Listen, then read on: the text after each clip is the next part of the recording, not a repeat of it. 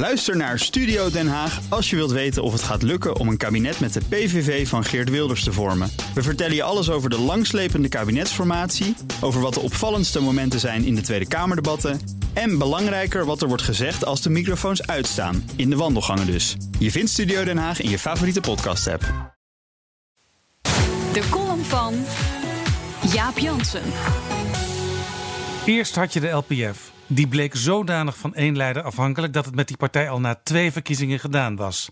Geert Wilders zag dat daar electoraal een terrein braak lag en verliet de VVD. Toen Wilders zich onafhankelijk verklaarde, waren zijn standpunten nog vintage rechtervleugel VVD. Zo moest flink gesnoeid worden in de uitkeringen en de kinderbijslag. Opmerkelijk genoeg wilde Wilders toen nog moslims winnen voor de democratie en van EU-haat was geen sprake. Er hoefde nog geen hek om Nederland. Wilders zat toen in zijn eentje in de Kamer en dacht: hoe kan ik groter groeien? Hij bedacht drie speerpunten. Nederland moest islamvrij worden, moest uit Europa en allerlei lasten moesten omlaag, maar uitkeringen omhoog. Vooral dat laatste was puur opportunisme. Hij zag dat de SP succesvol werd en door een deel van het SP-programma te kopiëren kon hij niet alleen rechtse hardliners binnenhalen, maar ook sociaal-conservatieve kiezers. Geert slaagde glansrijk. Bij de verkiezingen van 2010 haalde hij maar liefst 24 kamerzetels en hij werd zelfs gedoogpartner van het eerste kabinet Rutte.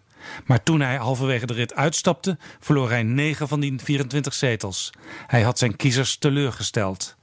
Bij de Kamerverkiezingen vorig jaar krabbelde Wilders weer wat op. Maar gisteren, bij de raadsverkiezingen, bleek dat kiezers die teleurgesteld zijn in de traditionele partijen niet meer automatisch PVV stemmen.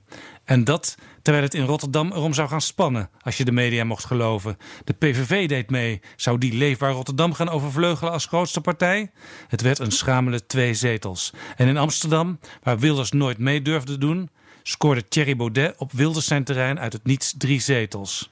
Natuurlijk, netto won de PVV zetels. Geen wonder als je voor het eerst meedoet in 28 gemeenten. Maar in de twee steden waar de partij al eerder deelnam, ging ze achteruit. In Den Haag bleven er nog maar twee zetels over, terwijl ex-PVV'er Richard de Mos met negen zetels de grootste werd.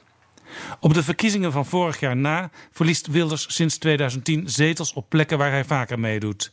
Dat zie je ook bij statenverkiezingen en bij Europese verkiezingen. Door futloze campagnes en geblunder met kandidaten kijken kiezers naar alternatieven. Lokale partijen als Leefbaar Rotterdam en landelijk, blijkt uit peilingen, vooral het Forum voor Democratie. De gematigde partijen zullen opgelucht ademhalen. Zo van, die PVV, dat hebben we ook weer gehad.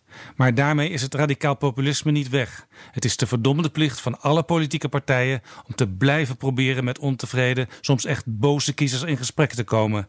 Dat is een heel moeilijke opdracht. Maar voor die partijen is er één lichtpuntje. Veel kiezers weten inmiddels, van Wilders moeten we het ook niet hebben. Ook Diana Matroos vind je in de BNR-app. Ja, inderdaad. Je kunt live naar mij luisteren tijdens de Big Five. Ook handig in de BNR-app. Breaking nieuwsmeldingen, maar ook het allerlaatste zakelijke nieuws.